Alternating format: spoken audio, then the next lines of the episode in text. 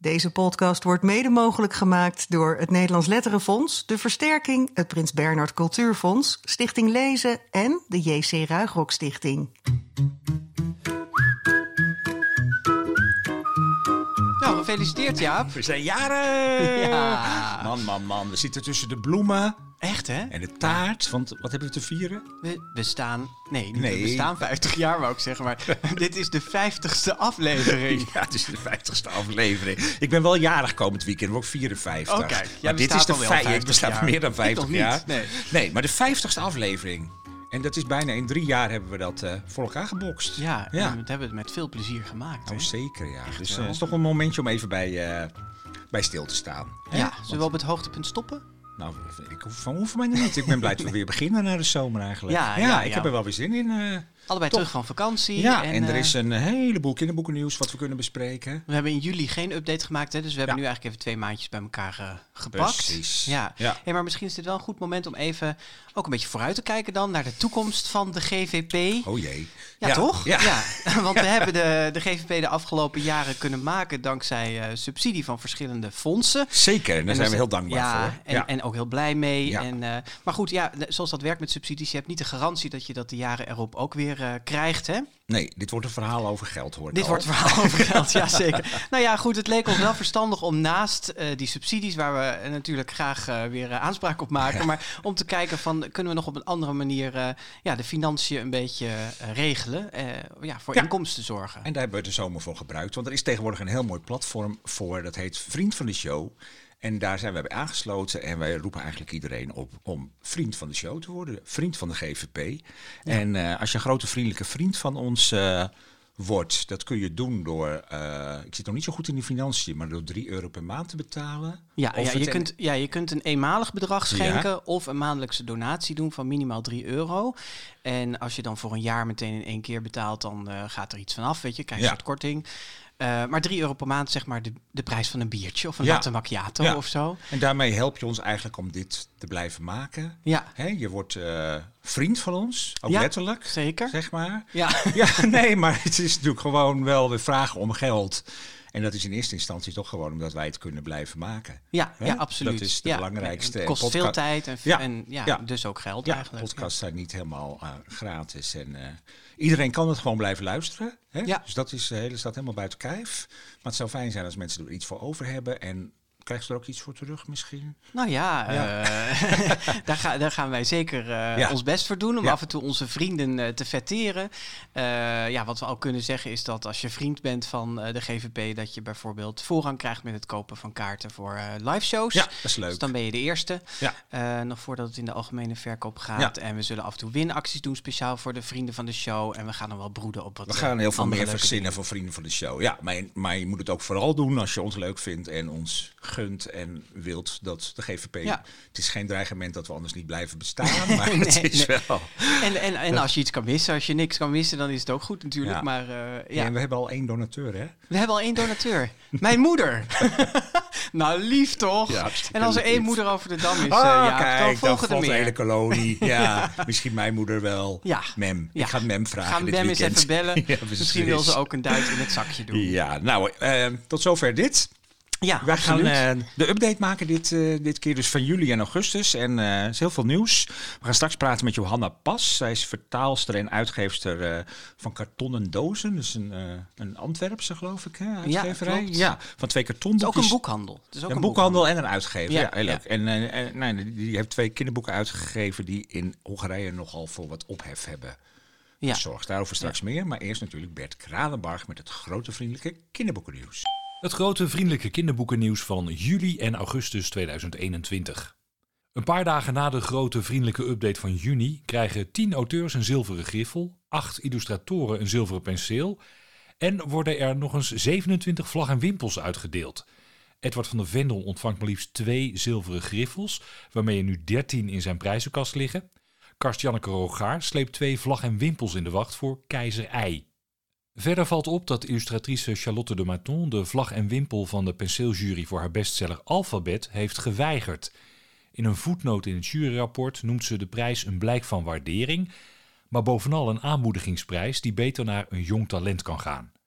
5 oktober worden tijdens de Gouden Kinderboekenborrel de winnaars van de Gouden Griffel en het Gouden Penseel bekendgemaakt. De Zoete Zusjes zoeken een schat van Hanneke de Zoete en het leven van een loser totaal gesloopt van Jeff Kinney zijn de winnaars van de Nederlandse Kinderjury 2021. Het is de vierde keer dat Kinney de prijs in de wacht sleept. Kinderboekenschrijvers lopen jaarlijks zo'n 15 miljoen euro mis omdat schoolbibliotheken geen leenvergoeding hoeven af te dragen. Deze zomer wordt met een actie op sociale media en een brandbrief van kinderboekenschrijvers een dringende oproep gedaan aan minister van Engelshoven om hier wat aan te doen. Onder andere Anna Woltz laat van zich horen. Nu zijn er steeds meer bibliotheken op school. En kinderen kunnen daar boeken van ons lenen. Dat is fantastisch. Laat kinderen zoveel mogelijk lezen. Maar die bibliotheken op school moeten natuurlijk wel gewoon leenrecht afdragen. En dat is nu vaak niet zo. De makers van jeugdboeken roepen minister van Engelshoven op om de regie te nemen en uh, te zorgen voor een goede regeling van de leenrechten in de bibliotheek op school. Neem de regie, minister. Minister van Engelshoven heeft toegezegd zich nog eens over de kwestie te buigen. De bijna 1700 kinderboekrecensies van de website Leesfeest zijn overgenomen door lezerscommunity hebban.nl. Leesfeest maakte eind vorig jaar bekend na 20 jaar te stoppen. De schrijversbiografieën en columns van kinderboekenmakers op Leesfeest dreigen wel verloren te gaan als de site definitief offline gaat. Een boekhandel in Hongarije krijgt 700 euro boete voor het verkopen van de kartonboekjes Klaar Wakker en Bedtijd van Lawrence Schimmel, die we tipten in de GVP. De winkel zou onvoldoende hebben aangegeven dat er relaties tussen mensen van hetzelfde geslacht in de boeken voorkomen. En dat is tegen de nieuwe Hongaarse wetgeving die het promoten van homoseksualiteit verbiedt. De Hongaarse redacteur van de twee boeken is na doodsbedreigingen het land ontvlucht. Aanvullend op de omstreden wet vaardigde Hongaarse premier Orbán begin augustus een decreet uit dat de verkoop van kinderboeken met LHBTI-personages in een straal van 200 meter rond kerken en scholen verbiedt. Ook mogen deze boeken niet meer in etalages of op andere zichtbare plekken in winkels liggen. In Hongkong zijn eind vorige maand vijf pro-democratische activisten opgepakt vanwege de publicatie van drie kinderboeken waarin volgens de overheid wordt aangezet tot haat tegen de regering. In de verhalen wordt een dorp vol schapen bedreigd door een roedel wolven. Hi, Pippi Langkous, zo heet, zo heet, zo op sa Hi, Pippi Langkous, die doet haar eigen zin. 3 maal 3 is 5, wie de wie de wie wil van mij leren. 4 min 5 is 2,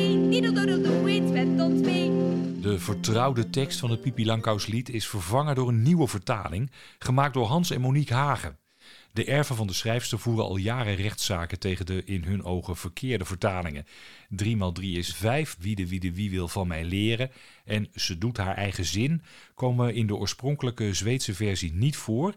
En in het nieuwe Nederlandstalige Pippi-lied ook niet meer. Dat klinkt nu zo. Hier komt Pippi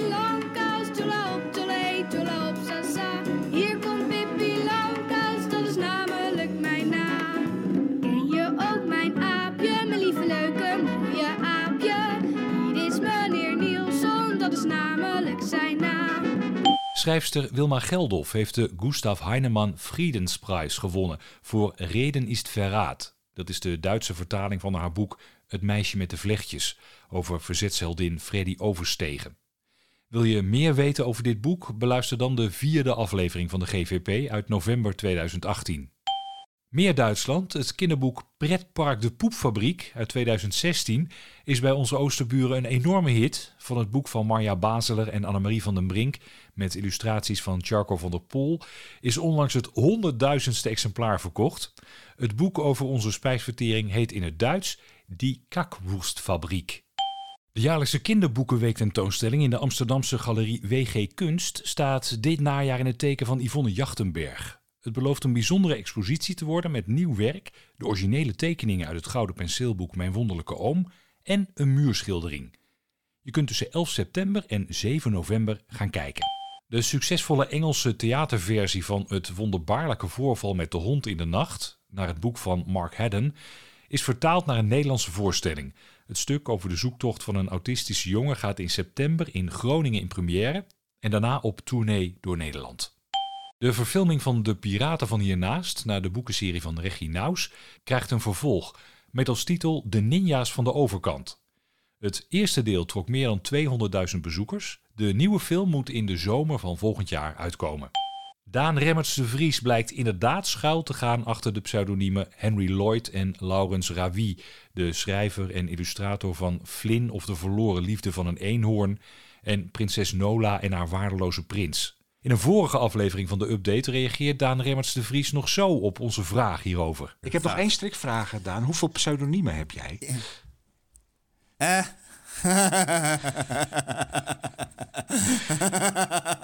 Goed, de- deze lach die... Dus eh, aan dit antwoord neem ik genoegen mee. Uitgeverij Querido doet de onthulling met de aankondiging van het derde boek van Henry Lloyd, Het grote leven van Kleine Fons, dat in januari 2022 verschijnt. Nederlandse Harry Potter fans kunnen waarschijnlijk binnen afzienbare tijd terecht bij themawinkels in Rotterdam en Utrecht. Tot die tijd moeten ze naar België, waar de Wizard Store al meerdere vestigingen heeft. Voor het echtje moet je naar New York, waar in juni de enige officiële Harry Potter Store is geopend, met een vloeroppervlakte van 2000 vierkante meter. Er zijn meer dan 1000 decorstukken uit de films te zien. Een groep Amerikaanse jeugdboekenschrijvers is door het toonaangevende tijdschrift Time gevraagd naar hun favoriete young adult boeken ooit. Het levert een top 100 van beste YA aller tijden op. Het enige Nederlandse boek in de lijst is Het dagboek van Anne Frank. Schrijver K. Schippers is vorige week op 84-jarige leeftijd overleden. De romancier en dichter is ook de auteur van drie kinderboeken, waarvan er twee zijn bekroond met een zilveren griffel. S'nachts op dak in 1994 en Sok of Sprei in 1998. Zes jaar geleden verschijnt ook nog het kunstprentenboek De Bevrijding van het Stedelijk van zijn hand. Een van de bekendste bloemlezingen van kinderpoëzie draagt een gedicht van Schippers als titel. Als je goed om je heen kijkt, zie je dat alles gekleurd is. Tot slot, volgende maand verschijnt het eerste kinderboek van de Vlaamse auteur Griet Op de Beek. Het heet Jij mag alles zijn en is geïllustreerd door Linde Vaas. Ik zat te denken, Bas, misschien moeten we een keer een special maken over Duitse titels van kinderboeken. Die Dat is kakworstfabriek. toch geweldig. Vorige keer hadden we het over Rupsje Nooit Genoeg. En dat heet in het Duits de kleine Raupe Niemersat. Weet Ja. je nog? Ja. Die kakwoestfabriek. Dat is toch heerlijk. Ik snap wel waarom het daar zoveel verkocht wordt. Ja, eh, ja eigenlijk. pretpark, de poepfabriek. Ja, Ja, dit die is misschien daar kakworstfabriek. leuker. Misschien Ja. moeten ze hier die titel ook proberen. Hey, een heel nieuwsoverzicht. Wij, het begon, en daar moeten we misschien nog even over doorpraten. Want het was een paar dagen nadat wij de vorige update upnamen. Upnamen, ja. de, Aha. de, de toekenning van de zilveren griffels en zilveren penselen. Ja. Ehm, ik stel voor dat we daar de volgende keer, of dat hebben we eigenlijk afgesproken, uitgebreid op terugkomen. Ja, want Dat- dan zitten we vlak voor de kinderboekenweek, vlak voor de bekendmaking van de Ja. twee gouden. En dan kunnen we daar ook nog een gokje op doen en Ja, zo. en een Dus- beetje analyseren wat er allemaal gebeurd is. Maar één ding is wel echt opvallend dit keer. En wij hadden toch samen wel gedacht dat daar wat meer ophef over zou zijn. En dat is de weigering van Charlotte Desmaton. Misschien is dat, is dat nog niet eens het grootste nieuws. Is het grootste nieuws wel dat ze een vlag en wimpel kreeg voor haar boek Alfabet. Ja, de jury ehm, kan eh zilveren penselen toekennen, maar kan ook vlag en wimpels eh, toekennen. En eh, nou, daar is eigenlijk al heel lang wel een beetje discussie over. Hè, van, Wat is dat nou precies, een vlag en wimpel? Ja, er staat in, ik heb het nagezocht, er staat in het reglement een eervolle vermelding. ja.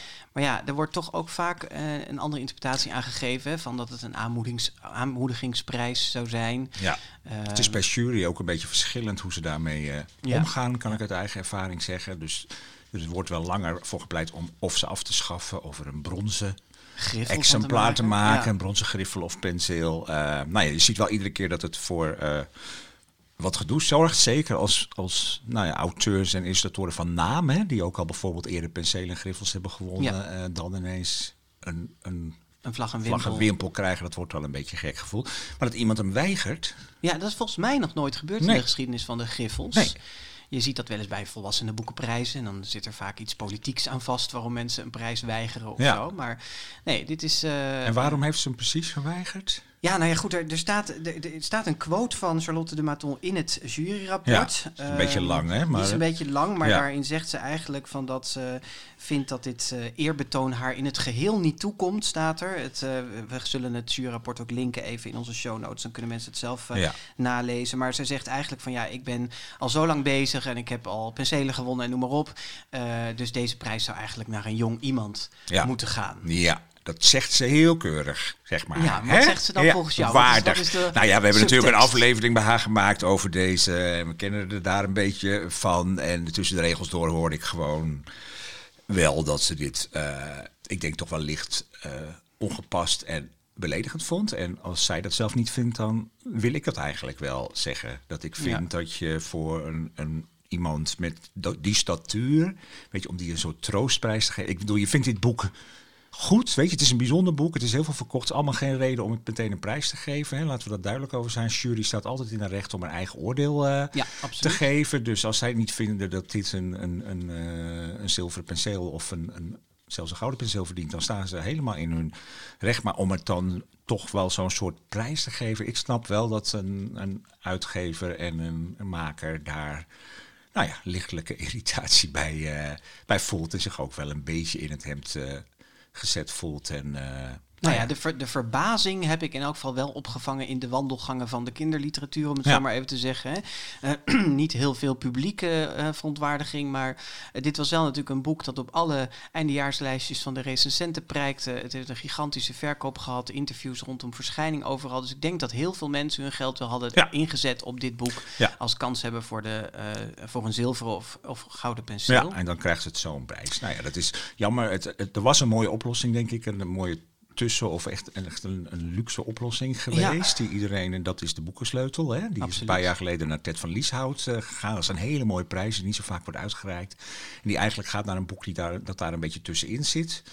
Tussen, want ik had me eigenlijk zelfs bij dit boek kunnen voorstellen dat het een griffel had gekregen. Omdat het zo enorm over taal gaat. Dat had ik ook heel grappig gevonden. Ja, Weet ja. je, dus eh, ja, dat- aan alle kanten is dat toch niet helemaal goed gegaan. Ook niet, ook naar mijn opinie, hè. En jou dus waarschijnlijk ook wel Mhm. Ja. een beetje. En was een boekensleutel, omdat dat echt een prijs is voor een boek. Over, Nee, ben ik helemaal met je eens. over taal zit- en precies, illustratie. en er een heel bijzonder boek. En een boek wat veel heeft gedaan. En nou, dat, maar blijkbaar vindt de jury dat allemaal het niet waard. Nee. Goed. Pippi. eh, Pippi ja. eh, we hebben opeens een nieuw Pippi-liedje, liedje, zoals we ook in de het nieuwsoverzicht al even een stukje van hebben gehoord. We zullen ook het, het echte hele filmpje weer even linken. Maar eh, ja, dat komt omdat de erven Astrid Lindgren al jaren procederen in Duitsland met name. Daar schijnt ook een andere variatie op het Zweedse liedje ooit te zijn geïntroduceerd. En in Nederland dus ook. Eh, omdat zij dat eigenlijk internationaal gelijk willen trekken. Zij willen dat de tekst zoals die oorspronkelijk in Zweden is, eigenlijk overal bijna letterlijk wordt vertaald. Is dat eigenlijk een tekst die door Astrid is geschreven? Ik heb Weten we werkelijk dat? geen nee. idee. Nee, nee het- waarom het- zouden ze daar zo fanatiek op? Erven zijn wel vaker heel fanatiek. maar- Ja, nee, maar ik, ik snap het in dit geval ook gewoon Ja? echt niet. Ik, Nee. ik ken de Duitse situatie niet, moet ik eerlijk zeggen. Maar voor ons is deze tekst natuurlijk ook iconisch. Hè? Ja. Dit, is gewoon, dit hoort bij die televisieserie. Dus iedereen die dat in zijn jeugd heeft gezien, die heeft dit liedje met deze tekst in zijn Ja, hoofd. 3 3 is 5. Ja, Ja. En, en niemand gaat zich daarbij afvragen van... zou dat in Zweden misschien anders zijn of wat dan ook, weet je? Ja, ehm, Nee, en er zit ook niet een soort ethische lading of wat je de- denkt van het is ontzettend onrecht aan de bedoeling van de tekst gedaan of zo. Hè? past juist wel heel erg bij Pippi. Ja, die van, eigenwijze eh, Pippi Ik doe mijn eigen zin of Ja. eh, zoiets. Ja. Ja.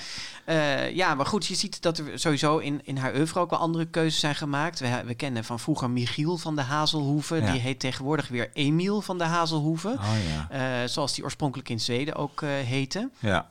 Eh, dus er worden wel meer vertaalkeuzes ook teruggedraaid. En Ja. de erven hebben natuurlijk ook ervoor gezorgd dat het N-woord uit alle boeken, eh Pippi-boeken in- over heel de wereld eh, verdwenen is. Wat eh, Ja. natuurlijk heel erg toe te juichen is. ja, maar dit goed, ze klinkt een beetje er- als eh, Ja, ze zitten er kortom bovenop. spijkers op laag Zweeds water. Laag Zweeds, ze in een laag. Zweeds meertje. En dat liedje, dat nieuwe liedje. Ja, er zit een soort eh, bijna Caribische vibe Ja, het is eh, niet echt dat je onder. denkt, we gaan naar Zweden. Nee, Nee, nee, nee. nee. Nou goed, Ik, het eh, ik geloof dat ik er niet aan kan wennen. En eh, gewoon eh Ik stoïcijns draai de het niet. Ik oude, draai, oude- ik draai het niet iedere dag. draaien, nee. ja. Het was heerlijk om de lach van Narimets de Vries weer even te horen. Hè? Wat wij natuurlijk al lang vermoeden en hier ook wel vaker gezegd hebben. Dat hij achter dat pseudoniem eh zat. Henry Dat- Lloyd. Ja, ja. en Lloyd en ook de illustrator La- Laurens Ravi. En dat heeft de uitgever nu ook bij de ehm, eh, met publiciteit voor het nieuwe boek bekendgemaakt. Ja. Van hij is dat. Ook omdat hij nu de Theo Thijsprijs heeft gewonnen. Hè? Ja. En je hebt hem even gebeld. Ik heb hem vanmiddag even gebeld, Ja. want ik wilde nu toch wel even het eh, naadje van de kous eh, weten. Van waarom kies je dan voor zo'n pseudoniem, zeker als het al zo snel weer eh, bekend wordt gemaakt dat jij het bent? Ja, en En Henry is- Lloyd. Ik weet nog dat ik daar meteen ging googlen. Het is geloof ik Ja. een spijkerbroekenmerk. Ik heb geen idee, Ja, het is een spijkerbroekenmerk. Ja. Het is natuurlijk op zich een naam die je wel kan voorstellen dat hij echt voorkomt. Ja. Eh, ja, maar wij kenden hem niet en we waren meteen wel verbaasd van wat Ja. is dit? Ja. Hij zegt tegen mij, Daan Remmers de Vries, dit is een soort van spielerij voor mij. Ik vind het leuk om af en toe iemand anders te zijn. Hij heeft het voor volwassenen ook een keer gedaan. Ja. Zijn boek De Harpij heeft hij A.N. Rijnst. Rijnst Of of Rienst, ja. Zoiets, Ja. eh, als pseudoniem eh, gekozen. Dus hij vindt het leuk om af en toe in de, in de huid van een andere of fictieve schrijver te kruipen.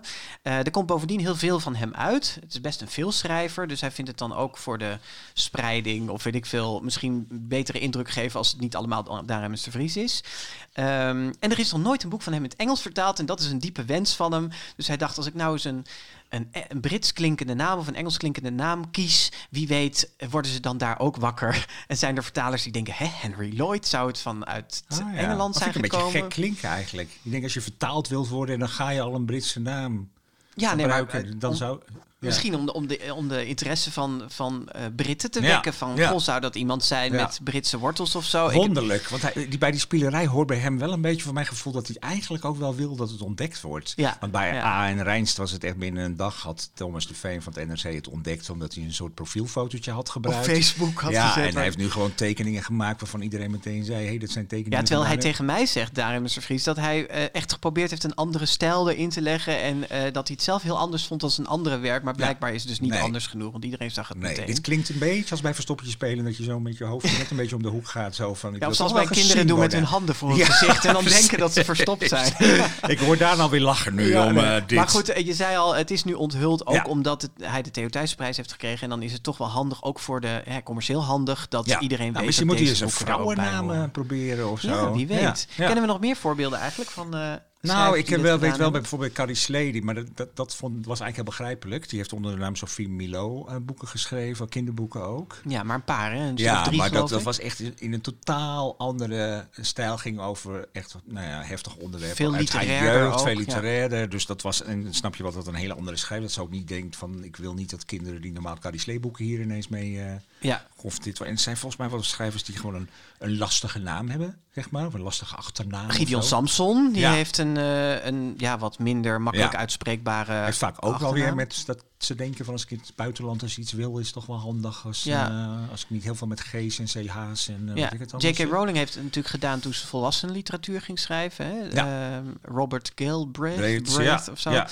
En, ehm, ja, en, we, en achter Geronimo Stilton, dat is natuurlijk de naam van de hoofdpersoon, de Ja. muis uit de boeken. Maar daar gaat een heel schrijverscollectief eigenlijk achter schuil. Dus er zijn wel verschillende redenen waarom mensen Ja. een pseudoniem... Kaas eh, Schippers, die overleden is, die heette gewoon Gerard Stichter. Ja, Dat wist ook iedereen. En Floortje Zwichtman is ook een pseudoniem, hè? Ja. En zij heeft mij ooit verteld dat ze toch achteraf een beetje spijt van had dat ze Zwichtman met een Z had gekozen, omdat ze nu altijd rechtsonder in de kast staat in de, Oh ja, nee, in de boekwinkel. ja, ja. Je kunt beter ergens rond Ah. de M of zo, dat je in het midden staat, op Oh, ooghoogte.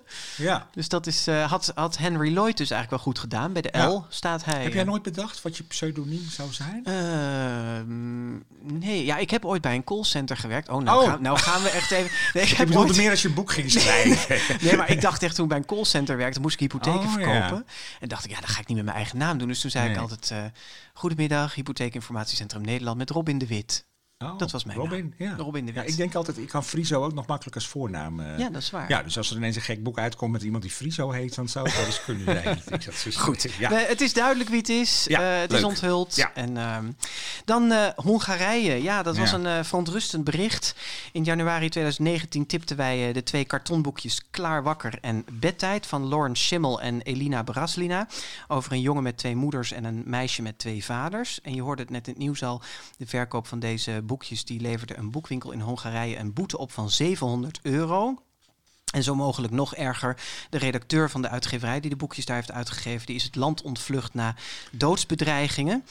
Ja, en we Ja. hebben de Amerikaanse auteur Lauren Schimmel eh, gevraagd om een reactie op deze kwestie. Laten we even naar hem luisteren. It was, of course, quite a shock when these books came under attack in Hungary. We were uh, braced for something to happen because of how the um, the diverse fairy tale book Wonderland is for Everyone was shredded in the Hungarian parliament before, and uh, the new LGBT propaganda law was about to come into effect, but it took us completely by surprise um, because the government attacked our book um, the day before that new propaganda law uh, went into effect. They used a consumer protection law to uh, issue a fine to a bookstore chain for selling the book without warning customers that it contained families different from quote unquote traditional ones. Um, I think it's a shame that these homophobic reactions have become the focus for so many international news stories because while that is important, the real reason why Elena and I created these books was because we felt there was uh, a need for more books that were not about overcoming homophobia or anything like that, uh, just stories that were celebrating queer families with an emphasis on fun. Um, and I think that the fact that there are 30 different editions of these books in 24 languages around the world that are confirmed so far shows that we are not alone in wanting and needing these stories of queer joy. Uh, it's been amazing and humbling to see so many people working to bring these stories to children all around the world, and also to see, for instance, uh, parents in Hungary uh, fighting back against the homophobia of, of, the government by posting photos of their kids reading these books with the hashtag civil disobedience and stuff like that. So, and for me, the the homophobia that these books have experienced have only made me more determined to help stories like these uh, find a place in the world. That it's necessary to make sure that our lives are considered worth writing stories about, and so that all kids can have a chance to see us in literature and in culture, not just in the diverse, plural, global world we all live in together. Laurent Simon over zijn twee uh, kartonnen boekjes die dus in Hongarije zo onder vuur kwamen te liggen. Even heel kort, hij, vertelt dat er enorm door verrast is eigenlijk dat dat zo onder vuur kwam te liggen. Omdat het ook op de dag gebeurde voordat eigenlijk de nieuwe wet al werd uh, uh, ingevoerd. En nou, hij legt eigenlijk vooral de nadruk op dat, dat het heel belangrijk is dat dit soort boeken verschijnen. Ook juist om uh, de verscheidenheid te, te vieren. En dan vindt het heel jammer dat er nu zo de nadruk op de homofobie komt uh, ja, te liggen. De queer joy ja, wil hij meer in uh, ja, de boeken ja, zien. Nou, daar praten we dan mooi even over door met een heel geschikt iemand. Dat is Johanna Pas. Ben je er, Johanna? Hoi. Hallo, ja, ik ben er. Ik hoop dat jullie me kunnen horen. Ja, wij horen jou zeker. Het is een uh, oefening geweest. Okay. Ja. ja, jij bent uh, de, de Vlaamse vertaler en uitgever van deze, Precies, van deze ja, boeken. Klopt. Ja, hè? je bent van, mm -hmm. van kartonnen dozen. Uh, hoe, hoe, heb jij net Laurens Simon gehoord? Hoe heb jij zelf dat nieuws uit Hongarije ervaren? Uh, ik, was, ik was eerlijk gezegd niet zo heel erg geschokt, omdat het, er is veel aan vooraf gegaan, uh, waar waarschijnlijk vooral mensen binnen de LGBTQ-community uh, mee bezig waren, maar minder de mensen daarbuiten. En dat is ja, wat er in, in Rusland al langere tijd geldt, hè, een regel dat er geen propaganda mag gemaakt worden voor homoseksualiteit en hoe ruim dat geïnterpreteerd wordt. Um, en dan ja, Polen, waar de LGBT-vrije zones zijn ingesteld. Dus het, het kwam niet echt als een verrassing. Wat misschien wel verrassend is, is dat het over zoiets onschuldigs als een, een peuterboek gaat, waardoor mensen hier misschien wel inzien van oké, okay, zover, zover gaat dat dus, die, die homofobie. Ja, het is heel extreem. Uh, maar ik ben niet verrast over ja, dat dat als politieke strategie is ingezet. Ik bedoel, dat is al een tijd, tijdje aan de gang. Ja, maar ja. nog even voor de mensen die de boekjes niet kennen. We hebben ze hier op tafel liggen. Het zijn echt, wat jij zegt, onschuldige, lieve, kartonnen boekjes. Hè, ja. Waar gewoon ja. gaat over naar bed gaan en over een gezin. En dat is dan toevallig twee vaders en twee, twee moeders. Maar verder, het, het, er zit totaal geen politieke lading of hele scherpe boodschap. Nee, in. nee. nee Zo'n slaapboekje. Nee. Ja, ja, precies. Nou ja, en Lawrence die zegt, dat zei Jaap net ook al even, hè, dat hij het uh, jammer vindt dat de focus in de berichtgeving over deze kwestie zo op de homofobie is komen te liggen en niet op de behoefte die er is aan uh, vrolijke LHBTI-verhalen. Snap jij dat? Ik begrijp dat wel. Dat heeft natuurlijk veel meer uh, uh, nieuwsgehalte, hè, als, het, als het een beetje schokkend kan zijn en als we O en A kunnen roepen. Maar het is ook wel een beetje hypocriet natuurlijk, want er, er was daarvoor niet zo heel veel aandacht voor die boekjes. En überhaupt zijn het ook in het Nederlands taalgebied nog altijd de twee enige peuterboekjes, eh, kartonboekjes, waar Holibi-gezinnen in voorkomen. Ja, want wat je eigenlijk zegt, want wij merken wel in het aanbod aan kinderboeken dat er steeds meer boeken komen die wel die diversiteit hebben in gezinssamenstelling. Maar voor peuters is dat eigenlijk helemaal nog niet zo het geval. Nee, voor peuters is er, is, is, zijn dit dus de enige, of voor, de echt heel kleintjes. Maar ook um, ja, onze, onze kleine uitgeverij heeft ook tien jaar geleden de Mama's van Sterren uitgebracht. En dat was toen, dus dat is nog maar tien jaar geleden, het eerste prentenboek uh, bij een reguliere uitgeverij, dus geen zelf uitgegeven boekjes of zo, um, waarin twee mama's voorkwamen. Dus dat is nog maar tien jaar geleden en sindsdien is er wel veel veranderd, maar het aanbod is nog altijd natuurlijk niet echt uh, om een hele bibliotheek mee te vullen. Of in ieder geval geen 10% van het aanbod. Uh, waar wel ons aandeel in de samenleving is. Ja, ja, nou je vraagt je inderdaad wel bij deze boekjes ook af. Ze zien er hartstikke goed uit. Het is hartstikke leuk gemaakt. Waarom een, uh, een reguliere mhm. grote uitgeverij die, die niet heeft opgepakt voordat jullie hier mee aan, aan, aan de slag gingen? Is dat iets wat je vaker ja. ziet? Dat de kleine uitgeverijtjes dit dan moeten publiceren eigenlijk? Ja, dat zie je ook in het, in het buitenland, hè, ook in de andere talen waarin het verschenen is. Het zijn zelfs niet altijd uitgevers, maar ook soms organisaties of zo die het uitgeven. Um, ik denk wel dat kleine uitgeverijtjes, die, ja, zoals wij, een, een, een, een uh, insteek hebben, een ideologische insteek hebben, dat die meer lef hebben misschien. Of, uh, nu, ik moet zeggen, de, Hongarij, de Hongaarse uitgeverij, chapeau, en, en uh, ik, ik applaudisseer voor hun moed. Want ik weet niet of ik het zou gedurfd hebben in een uh, politieke omgeving als die. Maar ik denk wel dat het klopt dat het kleine uitgeverijen zijn die dat soort risico's durven nemen. Maar ik, ik zou zeggen, doe een oproep aan de grote om, uh, om, om, om meer te durven. In ja, een land waar zoveel kan, als in Nederland of in, of in Vlaanderen, ja, hoe komt het hè, dat er niet meer is? Uh, wat voor angst zit daarachter? Nee, nou bij deze de Wij hoeven niet bang te zijn voor boetes, ja. ja. Nee, precies. niet eens, nou ja, vervolging. Kijk, de, ja. de, angst bij de Hongaarse overheid zit, uh, zit dus in, de propaganda, in het propaganda-element, zoals ze dat noemen. Hè. Ze zijn blijkbaar mm -hmm. bang dat kinderen worden geïndoctrineerd of besmet met homoseksualiteit. Uh, krijg jij als boekhandelaar dat, dat soort reacties ook wel eens op de kinderboeken die je verkoopt? Want je hebt dus naast de uitgeverij ook een boekhandel, kartonnen dozen in, in Antwerpen. Ja, inderdaad. Ja. ja, daarin verkopen we eigenlijk ja, ook andere kinderboeken, maar voornamelijk uh, kinderboeken waarin holebi-gezinnen voorkomen. En ik merk wel dat sommige mensen komen natuurlijk naar hier en die kopen een hele stapel, omdat ze hun bibliotheek willen aanvullen. Um, met een beetje propagandamateriaal, inderdaad. Van mij mag het hoor, die propaganda.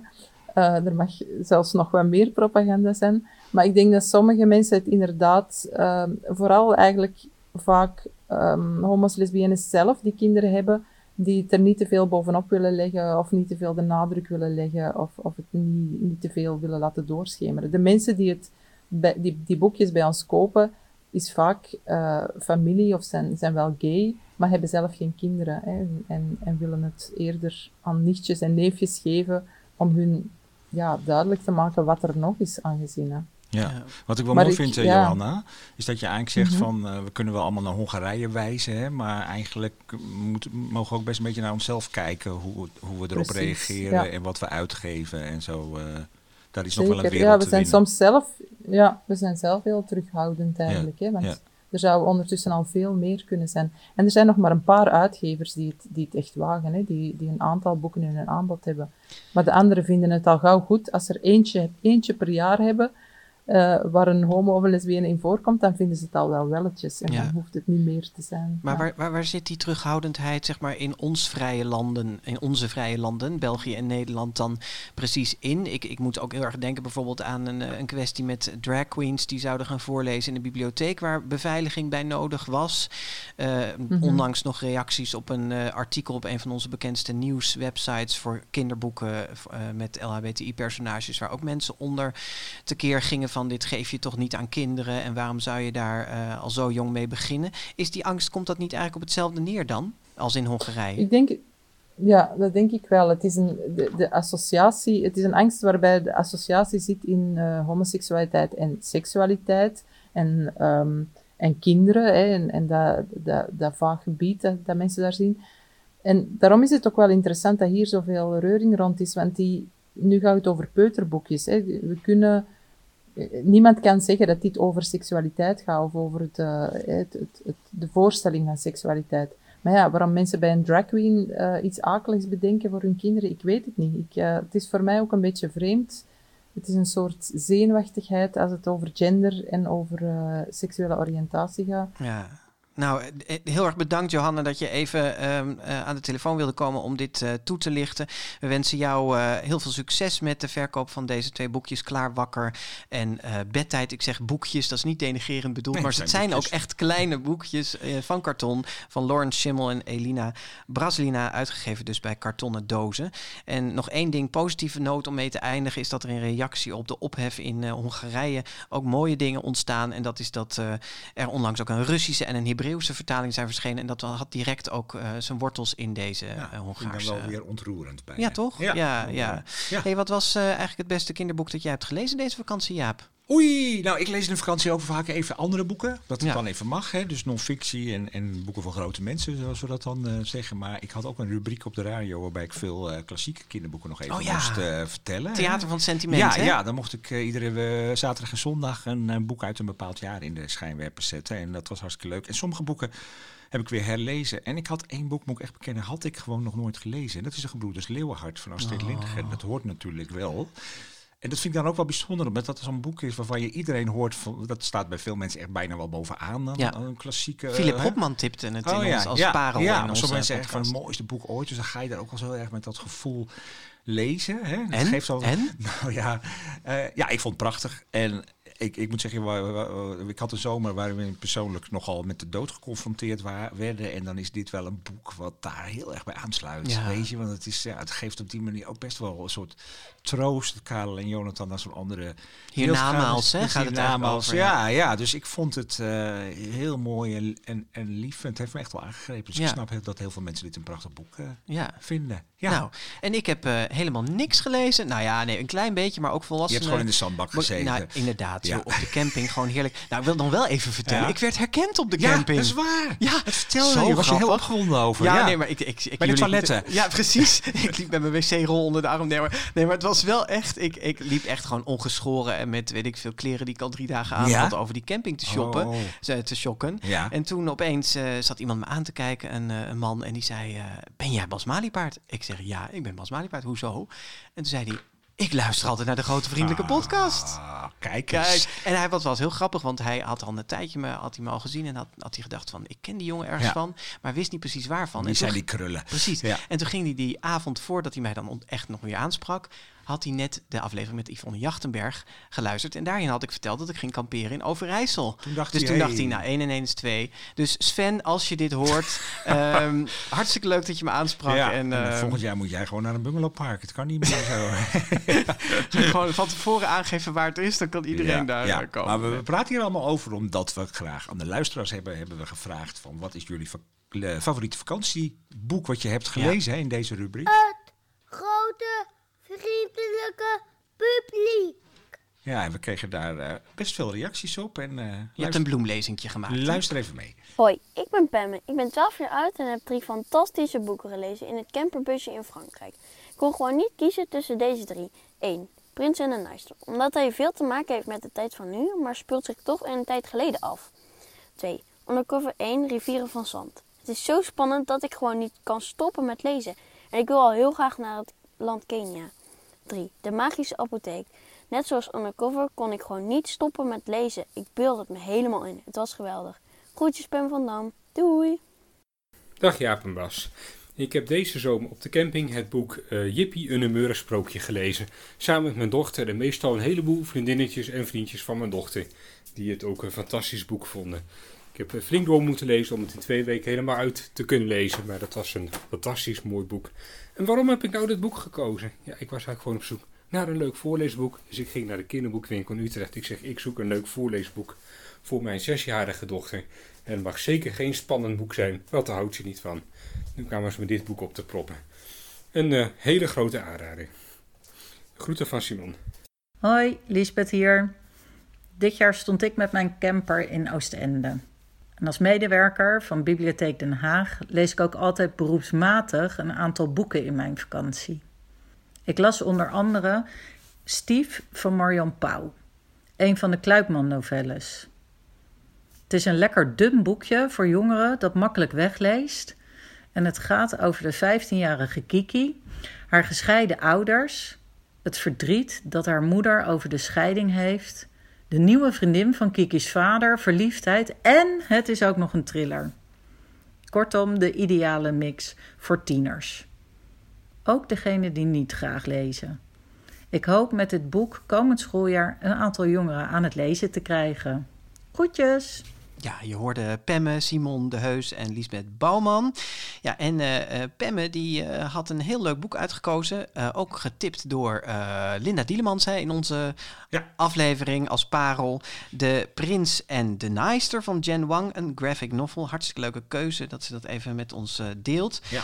En ze zegt ook nog een paar keer, ik kon niet stoppen met lezen. Nou, ja. dat horen wij natuurlijk leuk, graag. En leuk dat een, een vader ook heeft ingesproken en een tip heeft gevraagd bij de kinderboekwinkel. Dat ja, zijn ik vond het heel leuk ja. dat hij iedere avond zo een aantal kinderen voorleest. Daar, uh, Geweldig, ja. En we moedigen dat ook altijd aan. Hè. Ga lekker naar de kinderboekwinkel, laat je goed informeren of naar de bibliotheek. Daarom zitten wij ook in de kinderboekenwinkel. Precies, precies, Ja, we hebben nog één reactie, een hele bijzondere, van Astrid van Schoonakker. Zij had een wat minder leuke vakantie, want ze brak in de eerste week van de vakantie haar enkel en moest geopereerd worden. Van een vriendin die op ziekenbezoek kwam, kreeg ik heel toepasselijk het boek Gips van Anna Woltz. Met veel plezier heb ik de avonturen van Fitz gelezen die zij beleefd in het ziekenhuis.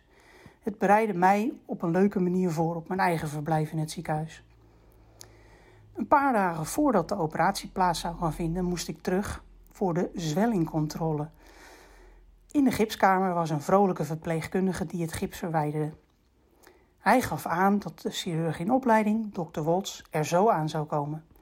Dokter Wols ik herinnerde mij dat op de eerste pagina in het boek Gips het zinnetje voor mijn zusje dokter Sarah stond.